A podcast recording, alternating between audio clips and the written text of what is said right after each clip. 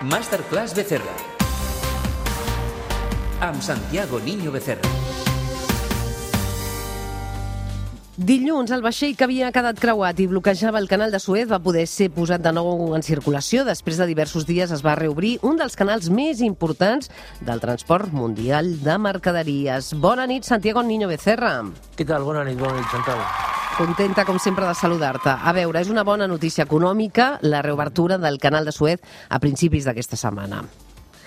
Sí, clarament sí, perquè, mm, a veure, cada dia que el canal de Suez no ha, no ha funcionat, ha estat tancat, eh, el comerç mundial eh, ha perdut entre 8 i 10.000 milions de dòlars cada dia.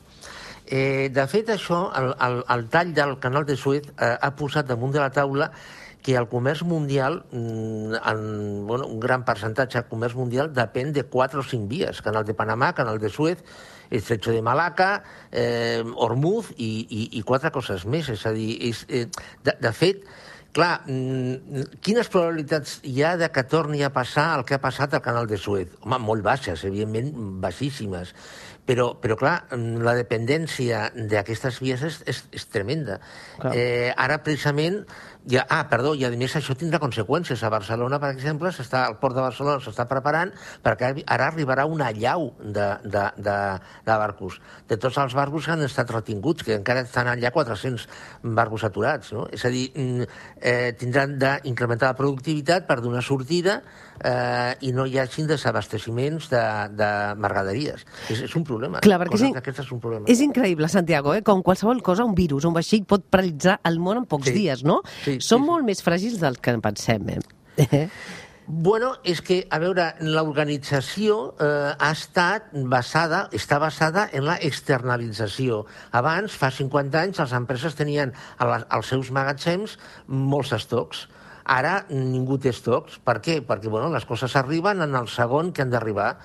Clar, mm, això té un risc, evidentment, això, això té un risc, però mm, és a dir, el que no es pot fer és tenir estoc zero i a la vegada no, mm, mm, és a dir, poder respondre si hi ha un problema. Eh, S'ha de buscar un equilibri correcte, el que passa és que això té uns costos i a veure qui està disposat a pagar aquests costos. Una altra qüestió que avui volem parlar amb tu cada dia afecta més a les nostres vides, també el canvi climàtic. Eh? Hi ha experts que creuen que fins i tot la pandèmia eh, té a veure amb aquest escalfament global. Els animals eh, eh, són refugiats climàtics i el virus es mouen amb ells. No? Eh, això vol dir que hi pot haver, Santiago, més pandèmies. No? En temes econòmics mm, hi hem de pensar-hi, no? perquè quan parlem del canvi climàtic i de pandèmies, tot afecta també a l'economia que tu i jo parlem en aquesta secció El Revolució. Sí, bueno, el, el, el diari El País, el diumenge passat, va mm, publicar una entrevista que li feien al Jeremy Rifkin. Eh, Jeremy Rifkin deia, en, un de la, de, en una part de l'entrevista, diu, diu "El- els, els meus pares, eh, quan van néixer a començaments del segle XX, el 77, el 77% del món era silvestre, era, era, bueno, era, no, no estava colonitzat, era, era, bueno, era bueno, verd, era salvatge. Eh, ara només el 22% està així. Lla- Llavors, clar, els, els animals eh, a, a, a, a, hem anat entrant en el seu hàbitat i els animals bueno, han sortit. I clar, mm, quins animals? Clar, tots els animals. No només un Bambi bonic i, i, mm, i maco, ta- ta- també virus i, i de tot. Diuen, diuen, diuen eh, que a l'èbola eh, mm, va aparèixer així, perquè mm, es va començar a entrar en zones d'Àfrica que mai s'havia entrat, i, bueno, i, i va aparèixer. Mm, En teoria, eh, si pressionem, si continuem pressionant la natura, aquestes coses sortiran. Uh -huh. Per tant, hem de cuidar molt més el nostre planeta, eh? la nostra Terra, ja ho diu Europa. Eh? La pròxima dècada serà digital i sostenible i Europa està pensant molt en totes les mesures en, en, en intentar que aquest canvi climàtic no ens afecti i, per tant, serà segurament un tema que parlarem perquè afectarà també a la nostra economia. Un, un milió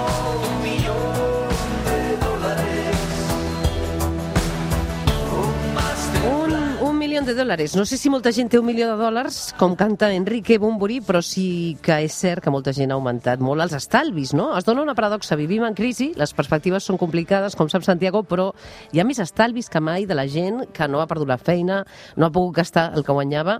Això és una bona notícia per l'economia mundial, ens preguntem?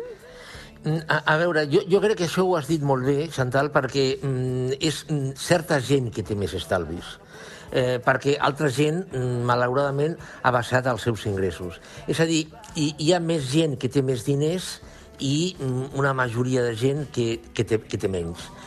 Això és bo per l'economia mundial? Mm, Bueno, eh, a, a veure, eh, en teoria els estalvis eh, han de ser, eh, a través de les institucions financeres, la inversió de demà, és a dir, la, els bancs, les institucions financeres són bombes que mouen els diners de, des d'on estan cap a on es necessiten. Eh, el que passa és que mm, quan, quan el món anava bé, en 2005-2006, la tassa d'estalvi era mm, bueno, ridículament baixa, tot era endeutament, i ara hi ha un estalvi mm, extra, evidentment, per un motiu precaució. Tècnicament es diu això. Així, motiu, motiu precaució. Eh, a l'estalvi és necessari. Que ara, que ara hi, ha, hi ha persones que tenen massa estalvi eh, del que seria eh, convenient i que estaria bé que, ho- que, ho, que ho gastessin, sí, sí, però cuidado. Eh, pensar dues vegades abans de comprar alguna cosa si eh, es necessita o no es necessita. Uh -huh. eh, jo crec que mm, allò de gastar por gastar, eh, això de, com, com deia no? el, el, a la pel·lícula aquella, quin era el, el Margin Call, aquell, aquell inversor, aquell que treballava amb el banc d'inversió que es canviava de ports cada any, mm. vull dir, això No ja... cal, no cal comprar tant. Perquè, No. per, ho dic perquè m'ha sorprès que als Estats Units ens arriba que hi ha bancs que ja no accepten més dipòsits de diners, no? És Sí. surrealista, no? Que tinguis Bueno. diners i els bancs ja no els vulguin, eh, què fas? On els guardes? Per què? Bueno, Bueno, és que, és que, Chantal, això ja ho hem comentat, sobra diner. Al, al món sobren diners. Eh, s'han s'han eh, imprès tants bitllets, eh, és a dir, s'han eh, creat tants bits eh, que eh, en el fons són diners, que en sobren diners al món. Llavors, eh, el, hi ha bancs que no volen diners. Si, si recordes, això una cosa semblant va passar també a finals de l'any passat, que el preu del petroli va arribar durant uns dies a tenir preu negatiu. Per què? Perquè mm, no hi havia possibilitat d'emmagatzemar eh, tot el petroli que estaven portant els productors a les refineries eh, ara sobren, sobren diners. On guardes els diners? Bueno, és que aquí, aquí ve el problema. Eh, els bancs poden guardar els diners perquè la immensa majoria dels diners no són físics, són diners mm, diguem-ne, són digitals, són bits, no, no, no hi ha un, un, un transport físic. Llavors, els bancs, els bancs el que estan fent és cobrar per eh, eh, els dipòsits, eh, per guardar aquests diners. Eh, a, a Espanya, per exemple, ja hi ha institucions financeres que els grans, eh, grans empreses, grans tenidors de diners, ja han començat a, a, a cobrar.